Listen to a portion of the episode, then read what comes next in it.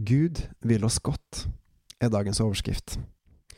For en liten stund siden så var det en ung mann på eh, begynnelsen av 20-åra som tok kontakt med meg, jeg kjenner fra før.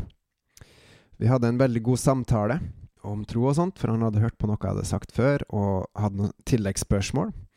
Og så spurte han etter hvert om jeg kunne lage en liten episode på noe av det han spurte også. For han hadde vært troende før, men så hadde han gått vekk fra Gud. Og nå lurte han på om han hadde lyst til å komme tilbake igjen, om Gud tok imot han. I dag så har jeg lyst til å snakke om Guds kjærlighet her i dagens podkast-episode eh, Gud i sentrum av meg, Håkon Winnem. Guds kjærlighet kan lignes med en far som ønsker seg sønner og døtre. For Gud ønsker seg flere sønner og døtre. Og når det er på den måten her, så er det veldig berikende både for eh, faren og for sønnene og døtrene. For Gud, han er far, og han vet best. Og så ønsker han å se sine sønner og døtre vokse opp til å bli modne, voksne, som er med på å gjøre godt, sånn, sånn som de har blitt opplært i.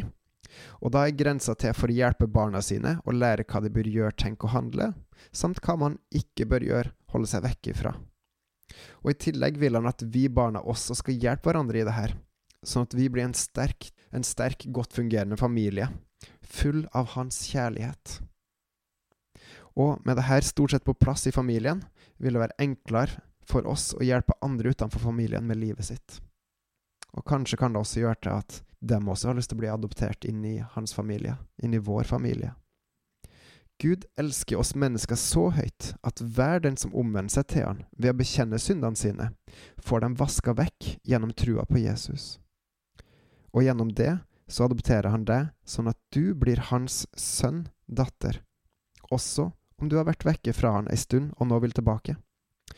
Gud er god, og bare ved å tru, bare ved å følge han, er du hans. Da spiller det ingen rolle hvor du har vært før, hva du har gjort, for Gud er din far. Fantastisk.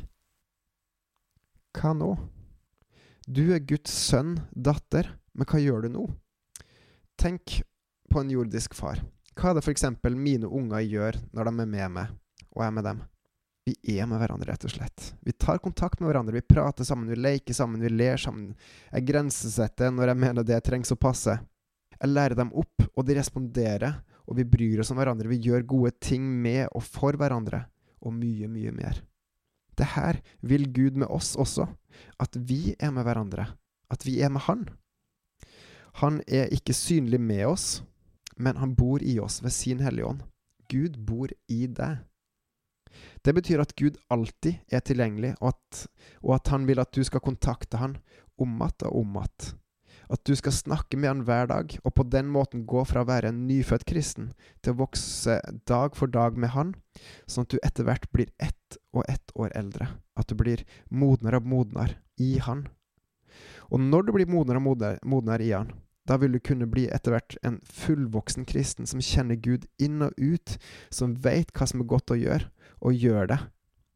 Da vil du ikke lenger være viktigst, for da veit du at Gud er sentrum, og det beste som finnes, er å kjenne Han og tilbe Han, og derav også gi Hans kjærlighet videre til andre, først brødre og så andre. Gud vil oss godt. Vil du det samme, så følg Han. Gjør du det sjøl, andre mennesker sier som er godt, ja, så går du en veldig usikker framtid i møte. I verste fall så går du fortapt. Følger du Gud, er du trygg, for han har kontroll. Dagens utfordring er hvis du vil følge Gud, finn ut hvordan. Hvordan du konkret kan ha kontakt med han i din hverdag. Bebel, som jeg spilte inn noen episoder på i april, kan være til hjelp. Og uansett om du bruker det, eller om du vet, finner noe annet gjennom Bibelen, eller snakker med andre troende, så skriv ned hva du vil gjøre sammen med han. Da er det enklere å huske på det, og gjøre det. Og husk også det som står i Johannes 3, 16, 17. For så høyt har Gud elska verden, at han ga sin sønn, for at verden som tror på han, ikke skal gå fortapt, men ha evig liv. Han kom ikke for å dømme verden, men for å frelse verden. Så stor kjærlighet har Gud for oss. Han vil oss godt. Ta imot og vokse i det. På gjensyn.